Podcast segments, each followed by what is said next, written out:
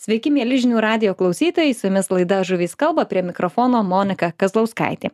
Šiandieną kalbėsimės apie tai, kaip jaučiasi pagautos ir paleistos žuvys. Kadangi pagavai paleis principas pačių meškeriotojų pasirinkimu vis populiarėja ne tik Lietuvoje, bet ir pasaulyje, o pasirinkus šitą žūklavimo būdą meškeriotojui rūpi kad pagauta žuvis ir paleista jaustųsi gerai ir išgyventų ir neišplauktų vėliau pilvu į viršų. Tai kaip reikėtų atsakingai elgtis su žuvimi ko gero na atsakytų mums žuvų biologija. Ją pažinus šiek tiek galbūt mes ir atsakingiau elgtumėmės su pagautu laimikiu tai šiandien apie tai ir pasikalbėsime su vilniaus universiteto gyvybės mokslų centro mokslų daktaru e, algirdu kaupiniu. Sveiki algirdai. Labą dieną. taip tai žvejai kaip ir minėjau meškerioja dažnai savanoriškai pagavai paleisk principu net šiemet yra atskira žūklės licenzija pagavai paleisk ar ne jinai šiek tiek pigesnė. Am tačiau na tie kas nori paleisti žuvį jie dažnai na ir nori kad ta paleista žuvis išgyventų suteikia jai antrą šansą tačiau jiems na reikia žinoti kaip teisingai elgtis su ta žuvimi. Tai pirmiausia man toksai klausimas e, iškilo stebint ir pačius meškeriotojus kaip jie gaudo kelia savo turinį e, žūklės į socialinius tinklus ir tie video kaip žuvis pagauta kaip jas kaip jie su ja kovoja ir tos kovos kartais būna gana ilgos kol ją galiausiai ištraukia meškeriotojas o kaip pati žuvis jaučiasi po tos kovos kai jinai yra išvarginta kaip su ja reikia elgtis Tai, kaip teisingai sakėt, kad pats žuvies traukimas turi labai didelį įtaką. Tai yra, kuo daugiau žuvis varginama, tuo labiau nu, nuvargsta, tuo atsiranda ją didesnis stresas. Tai yra, kadangi jinai nu, normaliai priešinasi, intensyviai dirba raumenys, tai kaip ir bet kuriam žmogui po intensyvaus darbo ar sportininkui intensyviai sportuojant e, e, raumenyse pradeda mažėt pirmiausia glikogeno tai yra tokia lengvai prieinama e, energetinė medžiaga. Taip pat pradeda išsiskirti pieno rūgštis laktatas ir pradeda rūgštėti tarpląstelinė aplinka. Dėl to inicijuojasi stresas. Stresas yra gana toksai universalus ir žmonės jį patiria. Tai yra ateina vis tiek iš galvos smegenų per pagumburį hipofizę hormonų reiškias endokrininę liauką ir galutinė e, reiškias e, endokrininė liauka yra antinksčiai kurie išskiria streso e, hormoną kortizolį. Ir vienu žodžiu kuo žuvis ilgiau traukiama tuo jai didesnis stresas tuo daugiau kortizolio tuo rūgštesnis kraujas. Ir tai yra tiesiogiai priklauso nuo traukiamo laiko todėl netgi yra rekomenduojama kad valai būtų kuo storesni. Tai yra kad nu kad kuo mažiau žaistų su ta žuvim nu žvejui tai yra galbūt žaidimas nors jam irgi matyt adrenalinas išsiskiria. Taip taip bet iš esmės turi būt įrankiai jeigu žuviai kuo mažiau reiškias sukels streso jinai kuo greičiau turėtų būt pritraukiama. O per kiek laiko žuvis atsigauna po to jau patirto streso? Čia vėlgi turbūt priklauso nuo laiko kiek jinai kovojo priklauso nuo daug ko ir nuo laiko ir ypatingai labai priklauso kaip su ja elgiamasi ją ištraukus. Taip pat priklauso ir nuo atskirų žuvų rūšių nes lašišai bus vienas poveikis karpiui karosai bus kitas. Tai čia atskiros žuvų rūšys taip pat turi įtakos bet pagrindinis pagrindinė taisyklė turėtų būt nu visiems suprantama tai kuo mažiau laikyti žuvį ore. Mhm. Nes kai žuvis atsiduria ore, ore jai atsiranda papildomas stresas. Kadangi jinai kvepuoja žiaunomis, tie jos žiaunių lapeliai yra tokie gana gležni ploni, jie ore tiesiog sulimpa, nevyksta dujų apykaita. Tai yra audiniuose kaupiasi CO2, kraujas vėl rūkštėja ir papildomas stresas dar gaunasi jai. Tai bet kuri žuvis, nu, mūsiškė kalba, nes yra pasaulyje žuvų, kurios sausumoje gana neblogai jaučiasi. Bet mūsiškė žuvis, kuo, reiškia, ilgiau būna ore tuo jai didesnis stresas papildomas. Tai čia yra ta taisyklė labai paprasta. Žuvis turi būti kuo greičiau paleidžiama. Taip. Tai apskaičiuota yra netgi kai kuriom rūšim kad e, netgi tarkim lašišai šlakiui tarkim dešim sekundžių ištraukta ore jinai gali patirt stresą kas e, vėliau atsilieps jos vislumui. Mhm bet tarkim karpiai tai karosai taip yra. atliekti atliekami tyrimai Mhm. Taip, tai su kiekviena sugauta žuvimi reikia elgtis atsakingai. A, dabar vyko daug diskusijų ir dėl rudeninės lašišų žuklės. Galbūt girdėjot, vieni taip, taip. buvo siūlymai, kad drausti rudeninę žuklę. Tai vis dėlto ta pagauta paleista žuvis, na ir žvėjai mėgėjai irgi kai kurie ženklina tas pačias lašišas ir šlakius ir jie mato, kad jos paskui, na, stovi ant lizdų. Tai tarsi, ką tuomet, kaip ta vislumui atsiliepia konkrečiau. E, konkrečiau tiesiog vislumo mažėja, mažiau padeda ikrų. To yra tos žuvys, kurios buvo ištrauktos į orą. E, mažiau padeda ikrų, tas, reiškia, lervučių tryno maišelis būna mažesnis ir tiesiog lervutės būna silpnesnis. Bet visumoje apskaičiuota, kad tas lašišų mirtingumas pakankamai nėra didelis, jeigu teisingai elgiamasi. Tai vėlgi labai skaičiuojama įvairiai bet dargi labai priklauso nuo temperatūros. Tarkim jau virš aštuoniolikos laipsnių jeigu yra vandens temperatūra tai išvis nerekomenduojama žvejot nes lašiša yra šaltamėgė ir jai didžiulis papildomas stresas. Tai maždaug gali būt tiktai keli procentai mirtingumas arba dar mažiau netgi. Tai vėlgi priklauso nuo įvairių sąlygų. Tai čia kaip minėjau pirmiausia e, kuo mažiau laikyti žuvį ore E, labai bloga praktika žuvį kelti iš vandens, ypatingai ją versti vertikaliai laikyti. Mhm, kai būna už uodegos laiko. Nesvarbu už uodegos ar už galvos, nes žuvis gyvena vandenyje ir nors ten gravitacijos jėga ta pati kaip ir sausumoje, bet poveikis kitas, nes vanduo turi keliamąją jėgą, nu, kad vadinama archimeda, tai jos visi ir vidaus organai, ir skeletas yra prisitaikęs gyventi vandenyje kai jie iškeliama iš keliama iš vandens visi organai yra žymiai labiau veikiami gravitacinės jėgos galima taip sakyt sunkio jėgos. Taip. Tai tas e, žvejys turėtų nekelti žuvį iš vandens nu arba šiek tiek prikelti iš vandens e, bet realiai turėtų pats lįsti į vandenį ir su žuvim nusifotografuoti jeigu kalbant apie žuvies nu gerovę. jei meškeriotojas nori kad išgyventų tai turi jau prisitaikyt prie jos poreikių daugiau. Kuo mažiau laikyti ore taip kiti žingsniai ar ne nekelti turbūt ant kranto nedėti ant sauso kažkokio ar ne smėlio žvyro taip toliau. Žuvies teisingai ar ne? čia tas irgi labai svarbu kad e, ant kranto nedėt e, kad dumblas neužneštų žiaunų. Taip yra netgi svarbu jeigu naudojamas graibštas tai netgi pat pat pati graibšto medžiaga turi reikšmės. Žinoma kad geriausia mažiausias poveikis tai yra nu giliajų nutrynimui kas irgi labai svarbu. Tai yra nu jeigu ir minkštos tokios e, gumos būna graibštai tai jie yra geriausi. Arba minkš minkšto tokio švelnaus nailono blogiausi graibštai tai yra tokie kaproninio nu kaproninės virvės ir su dideliais mazgais. Tai jie daugiausia nu sužaloja žuvies išorines gleives taip apie graibštą kaip tik norėjau klaust bet praktiškai jau atsakėt tą klausimą. Šiaip žūklėje graibštas kaip suprantu yra labai svarbus ar ne tai svarbus bet kaip minėjau jisai turi būt tinkamas nes jeigu graibštas vadinkim tas kapronis su dideliais mazgais tai geriau tada jo išvis nenaudot. Mhm. ir bet tai galima naudoti rekomenduojama naudoti įvairias žnyples reples kad kuo greičiau kaip kaip minėjau kad būtų atkabintas kabliukas. E, vėlgi atkabinant kabliuką e, labai svarbu kaip atkabinamas. Kokie palikti bus sužalojimai tai gali tiesiogiai įtakot mirtingumą žuvies gali įtakot stresą ir taip toliau per kiek mhm. laiko jinai atsigaus tai čia irgi labai svarbu kaip tas išimamas kabliukas. Dėl to netgi yra rekomendacijos kokių kablių nenaudot kokius naudot tai taip. Kartais būna kad žuvis įryja tikrai gana giliai ir tiesiog meškeriotojų pasirinkimas nukerpi valą ir paleidi. O kaip va tarkim tas įrijimas gerklėje kaip ar yra šansų kad tai žuviai tiesiog organizmas išstums tą kabliuką ar vis dėlto jau jinai pasmerkta žūčiai šiuo atveju tai jeigu giliai įrytas kabliukas ir norima žuvis paleist tai e, jeigu jau tarkim ryklėje skrandyje tai iš esmės iškrapštyt praktiškai neįmanoma.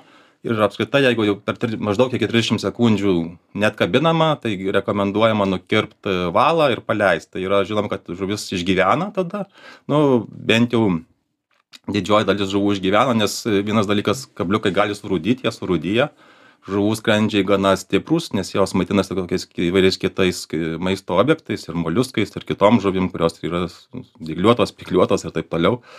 Tai arba kabliukas surūdija pašalinamas arba tiesiog jisai yra inkapsuliuojamas audiniuose ir jisai gali nu žuvis gali su tuo gyvent iš esmės. Tai geriau tada jeigu greit neišeina atkabint tai norima paleist tai nukerpi ir paleidi bet bet jau žuvį traukiant žvejys turi apsispręst.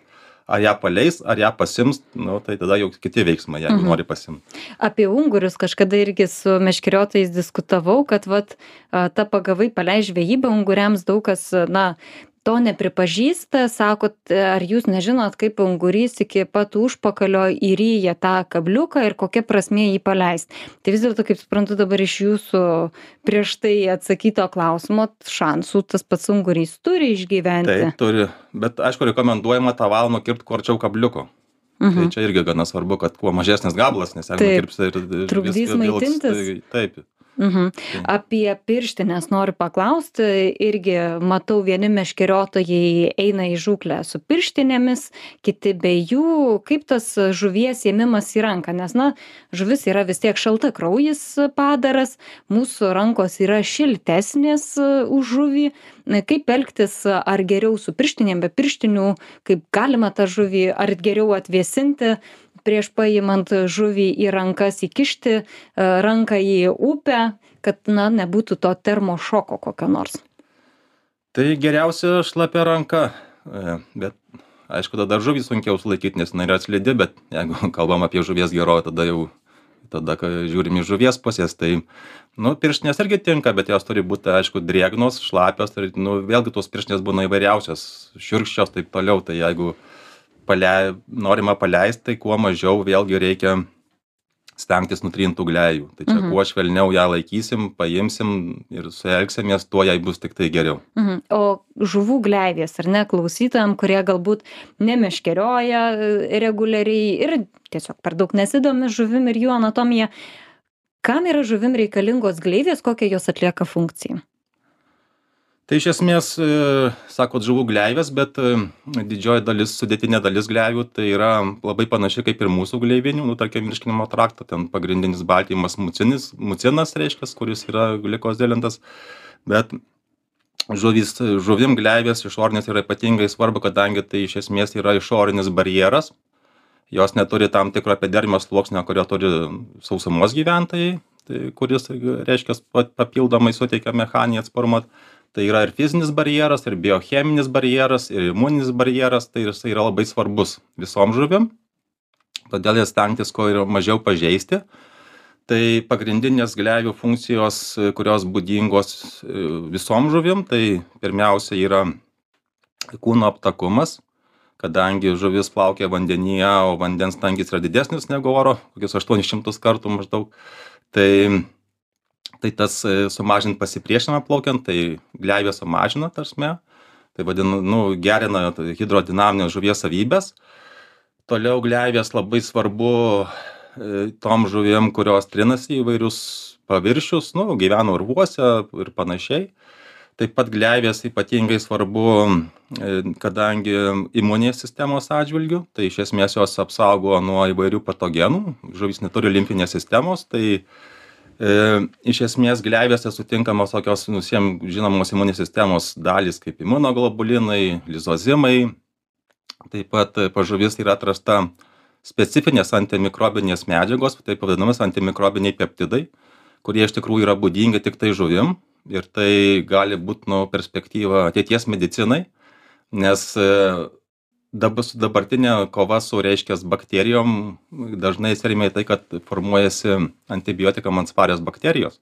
O žuvys žuvų tie antimikrobiniai reiškias peptidai jie taip vadinami pistidinai nuo pisces nes iš iš graikų kalbos pisces tai yra žuvys pistidinai reiškias tai tai reiškias antimikrobiniai peptidai kurie ateityje būtų gal tikriausia bus panaudojami nu kovai su bakterijomis ir nu pramonėje galbūt. Toks paprastas klausimas apie žuvų gleives o kiek daug tai papasakojot dar tiktai dalį nes yra specifinės funkcijos galima pa pasakyti kai kurios žuvys e, papūgžavės e, e, miega gleivių kokone jos pasidaro reiškia kaip apsauginiai kokonai iš gleivių jame miega.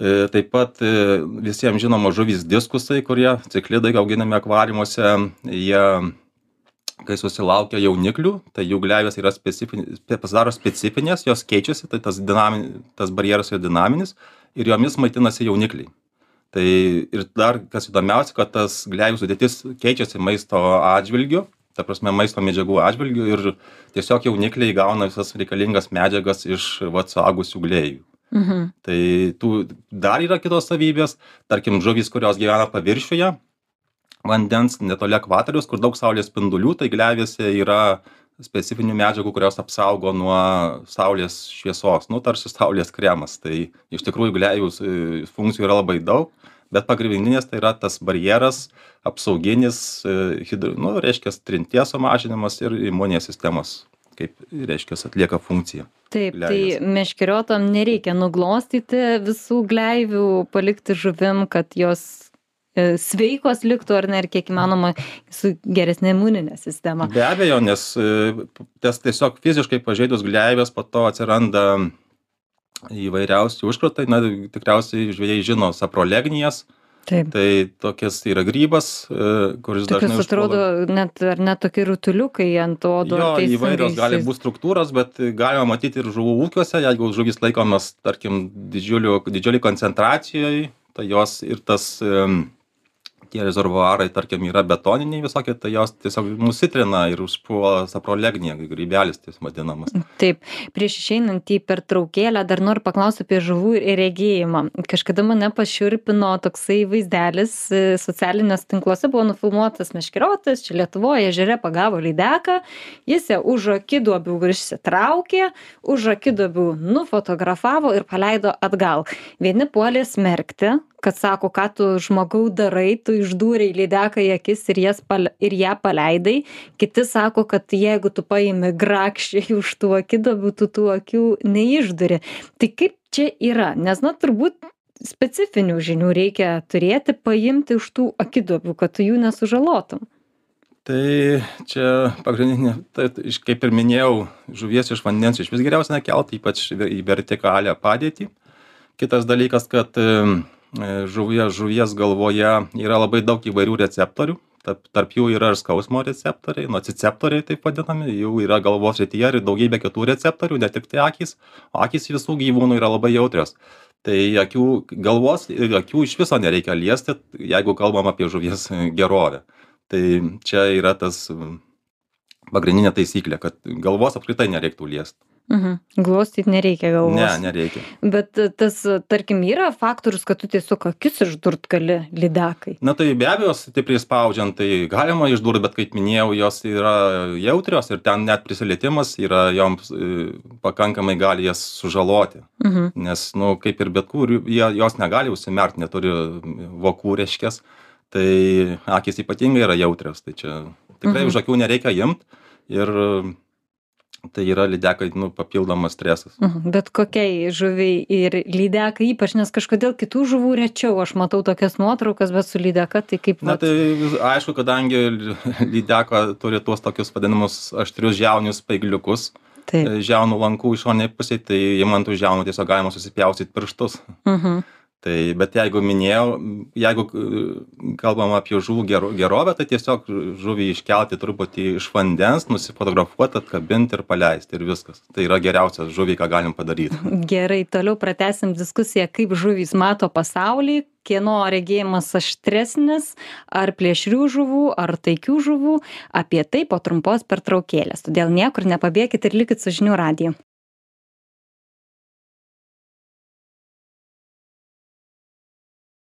Sveiki sugrįžę, su jumis laida Žuvys kalba, prie mikrofono Monika Kazlauskaitė. Toliau su Vilniaus universiteto gyvybės mokslų centro mokslo daktaru Algirdu Kaupiniu kalbamės apie žuvis, jų anatomiją, pagavai paleis principą, kaip paleisti teisingai žuvis, jeigu meškeriotojas ap, apsisprendžia taip meškerioti. Tai e, prieš pertraukėlę kalbėjomės apie regėjimą, vis dėlto kaip tos žuvys mato pasaulį. Esu vat girdėjusi, kad e, plėšrio žuvys a, mato geriau, jų regėjimas žvitresnis nei taikių žuvų, tų vadinamųjų baltos žuvies. Ar čia yra tiesos? Tai iš tikrųjų kadangi žuvų yra beveik trisdešim penki tūkstančiai tai tai ten iš tikrųjų yra labai daug įvairiausių variantų kas liečia žuvų regėjimą kai kurios žuvys išvis neturi akių Kitas klausimas, kas tai yra plėšūnai. Nes plėšūnas gali būti ir šamas, tai pas jį jau rega yra visai kitokia, jis kitaip orientuojasi aplinkoje. Bet kalbant bendrai apie žuvų regėjimą, tai kaip ir minėjau, ga, gali būti įvairiausių variantų. Iš esmės žuvys mato spalvotai, beveik visos.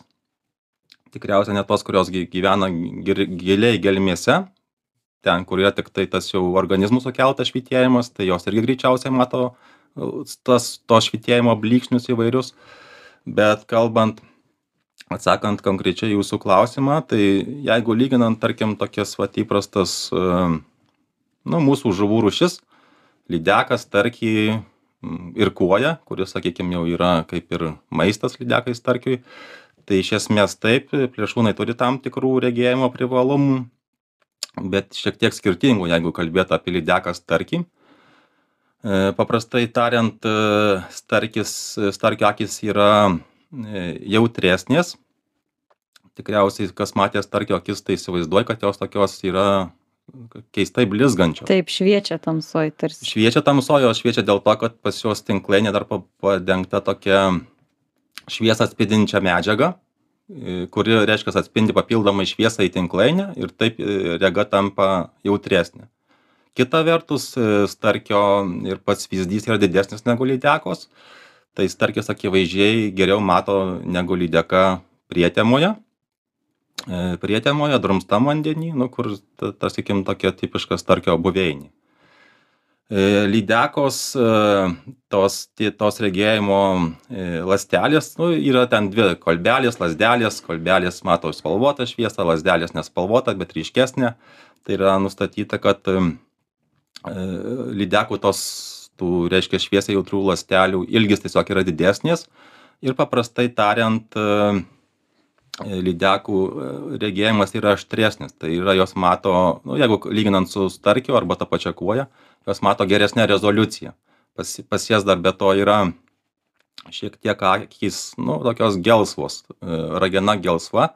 Tai nuima tokius trumpabangius spindulius kurie šiek tiek sukelia sukelia tokias e, nu regėjimo aberacijas. Tai visumoj lydekos trumpai tariant regėjimas aštresnis ta starkio jautresnis jisai ge gerai mato prietemoje.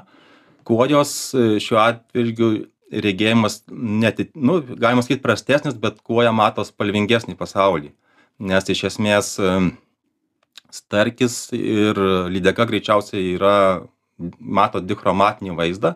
Tai yra dviejų spalvų spektrą. Greičiausiai mėlynos geltonos ir tarp jų esančią esantį spektrą na o kuoja mato papildomai tetrachromatinį spektrą netgi daugiau negu žmogus jas ga ge gebėtų atskirt spalvų reiškias tai kuojos regėjimas spalvingesnis tai vat kurių akis yra geresnė spręskit patys. Taip ir tie masalai kuo įvairiausių spalvinimų tai vis dėlto tai lydekai ir tarkim jie mato tiktais atspalvius konkrečius bet nemato tų gražių spalvų kaip greičiausiai matys nesvarbu kokia bus spalva spalvos matys ta prasme kažkas tarp tarpo tarp raudo mėlynos ir geltonos. Tai be abejo tas raudoną spalvą irgi matys bet jinai bus kažkokia tai kažkoks atspalvis mė mėlynos geltonos. Mhm. Aš dar noriu paklausti apie šlakius nes labai pas mus na sakyčiau gal nėra labai bet gana populiaru juos meškerioti žiemą kai jau baigiasi draudimas.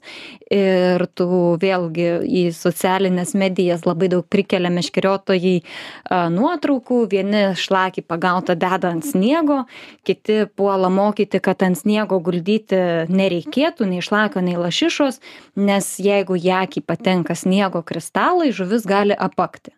Ar tikrai yra vat tiesos tuose žodžiuose tiesos yra kaip minėjau vėlgi grįžtam prie to pačio kad e, ištraukus žuvį norima paleist tai tikrai nereikia dėt nei ant kranto nei ant sniego jinai turi būt vandenyje ar paleista vandenyje. Laši lašišinėm ir kitom žuvim labai svarbu temperatūrų skirtumas. Tai yra temperat kokia temperatūra vandenyje ir kokia ore tai šiuo atveju netgi tai yra svarbiau nes jeigu ore yra neigiama temperatūra ir mes ištraukiam žuvį iš vandens iš teigiamos temperatūros nes gėlas vanduo bus vis tiek pliusas tai tiesiog visas paviršius apšąla akys tuo labiau. Ir tai yra gali būti tie audiniai tiesiog sužaloti labai stipriai o akį akių audiniai yra be abejo jau jautresni tai nei ant sniego nei ant kranto nei ore laikyti jeigu šalta ypatingai neigiama temperatūra nereikia nei vienos žuvies nes tas sušalimas vandens atšalimas tikrai gali sužaloti audinius. Akies ypatingai nes jie yra minkštesni bet ir kitus. Taip ir žuvų žiaunos e, irgi yra toks jautrus organas ar ne? Tie lakšteliai yra gana ploni kurio kvėpuoja žuvys. Daug kas net ar neži iš nežinojimo ar tiesiog iš nenoro na patausoti tą žuvies kvėpavimo organą ar tiesiog pamiršta kad žuvys kvėpuoja žiaunomis drąsiai ima už žiaunų ten pasipila kraujas o paskui paleidžia tą žuvį atgal į vandenį. Tai kaip tas žuvų laikymas už žiaunų kaip reikia mm, tvarkingai užlaikyti žuvį?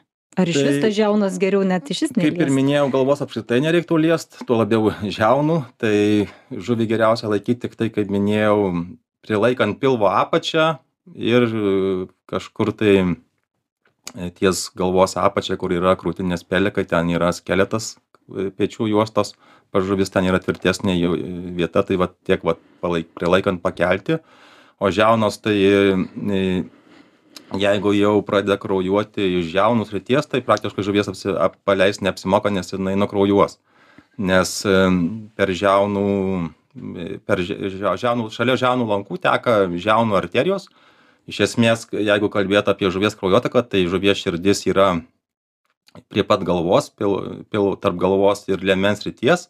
Ir visas kraujas patenka į trumpą aortą iš širdies iš tos aortos patenka į žiaunines arterijas. Tai ten yra didžiulis nu palygint didelis kraujo tekėjimas ir ta prasme ten sužalojus jau tada žuvies neapsimoka paleist jinai tiesiog nukraujuos jinai Mhm. Apie tai, kaip a, apie tą vadinamąjį mirtiną suspaudimą, ką jūs jau pradėjot pasakoti, kad žuvies širdis yra, na, taip vadinkim, kur yra mūsų kaklas ar ne, ties ta vieta maždaug šird, žuvies širdis. To, toje vietoje. Ir mes, kai Facebook'e Lietuvos žuvys mūsų puslapyje parašėm apie tai, tai daug meškeriotojų nustebo ir dėl to ir mes nustebom, kad ne visi žinojo, kur ta žuvies širdis iš tiesų e, yra. Ir tas mirtinas suspaudimas netgi yra toksai terminas kad jeigu tu suspaudi vat kaip jūs minėjot kad na jau tuomet jau žuviai viskas. Jau geriau tu ją neškis namo jei perspaudi tiksliau Tai spausti tikrai nereikia, bet kai- kaip minėjau, toj srity, kur yra širdis, yra ir piečių juostos kaulai, ten yra tvirtesnė zona, bet be abejo spaudyti ir visai kitaip tą žuvį minkyti tikrai nereikia, jeigu norima ją paleisti.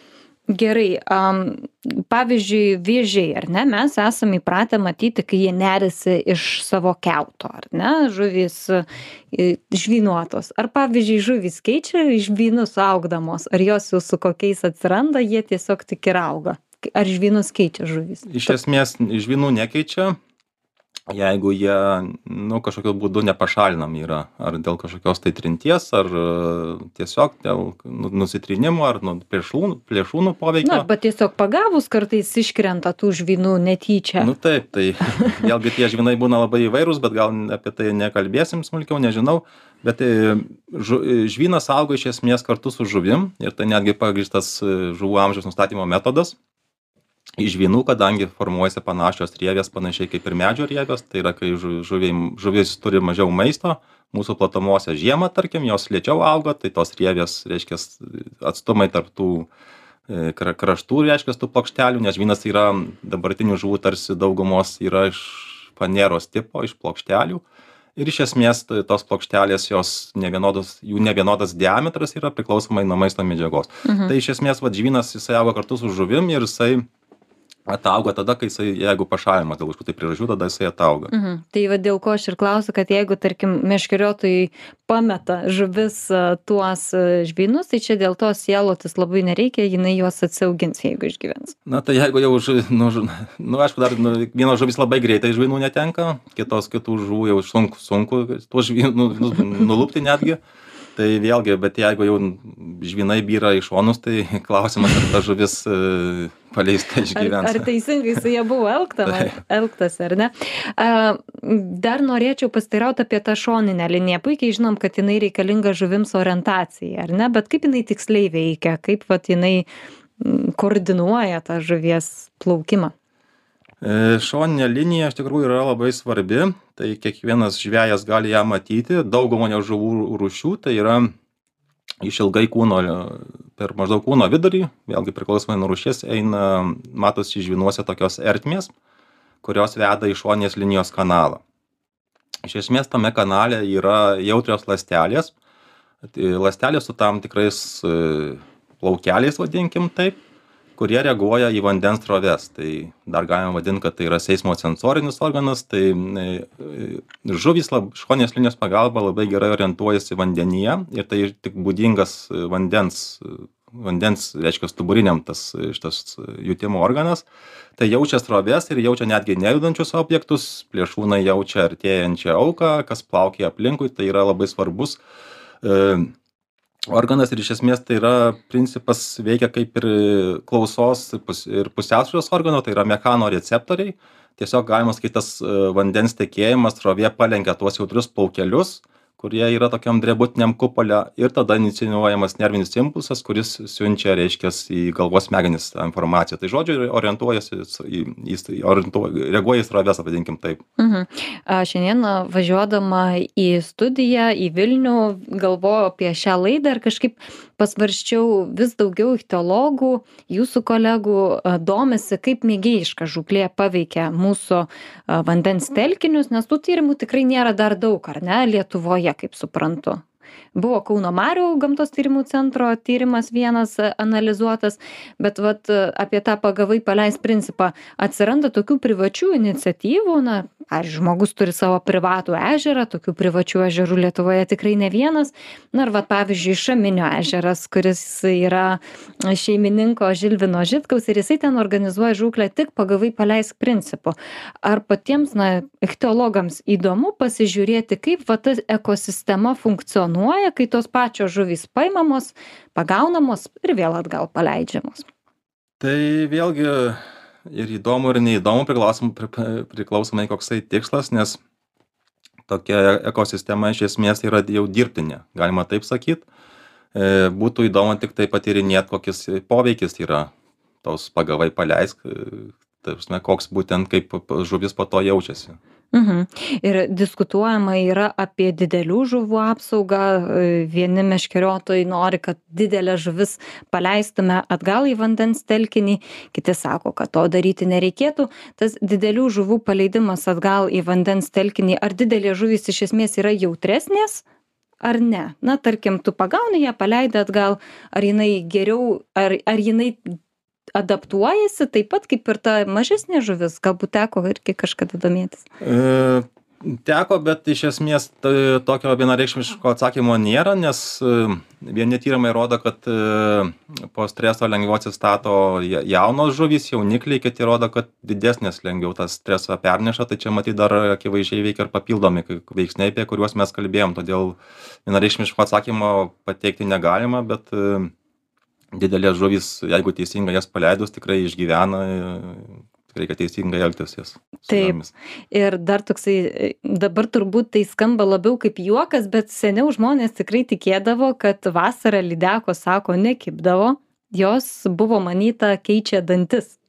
Ar iš tiesų žuvys keičia kada nors dantis? Ar kaip jos kaip jų dantys atrodo senatvėje ar joms kaip žmonėms jau pradeda po biškutį kristi ir byrėti nu žuvys tokia problema nesusiduria kaip žinduoliai e, dantys iš esmės yra keičiami pastoviai bet vėlgi priklausomai nuo žuvų rūšies gali būt keičiami labai įvairiai. Pas lydekas e, greičiausiai dantys keičiami nereguliariai bet yra keičiami pastoviai. Yra nustatyta kad e, kai kurių žuvų rūšių per dieną yra pakeičiama apie trys pro per dieną pakeičiama apie trys procentai dantų. Tai yra gali keistis sinchroniškai pavyzdžiui e, visiem žinoma žuvis e, piranija. Tai pas jas keičiasi vienos pusės visi dantys iš karto vienos pusės pakeičiami kad būtų tai reiškias tos aštrios briaunos kad jos galėtų maitintis tarkim vilkžuvė kurią irgi dabar mūsų meškeriotojai žino nes važiuoja į norvegiją žvejot pas nu dan dantys kur jau kur skirtingi dantys heterodontinė dantų sistema su vienais priekiniais dantim sugaudo moliuskus vėžiagyvius su kitais užpakaliniais dantis su sutrina. Tai visus dan dantis pakeičia iš karto vienu metu tai čia vėlgi kaip prikla priklauso nuo žuvies rūšies o apie lydeką jos pastoviai keičia tiesiog ir matyt kažkokio dėsningumo nėra. Galbūt kai didesni dantys keičiami kažkiek sinchroniškai bet tai nėra konkretaus atsakymo vienareikšmio bet čia tas pastoviai tai kartą per kiek maždaug laiko?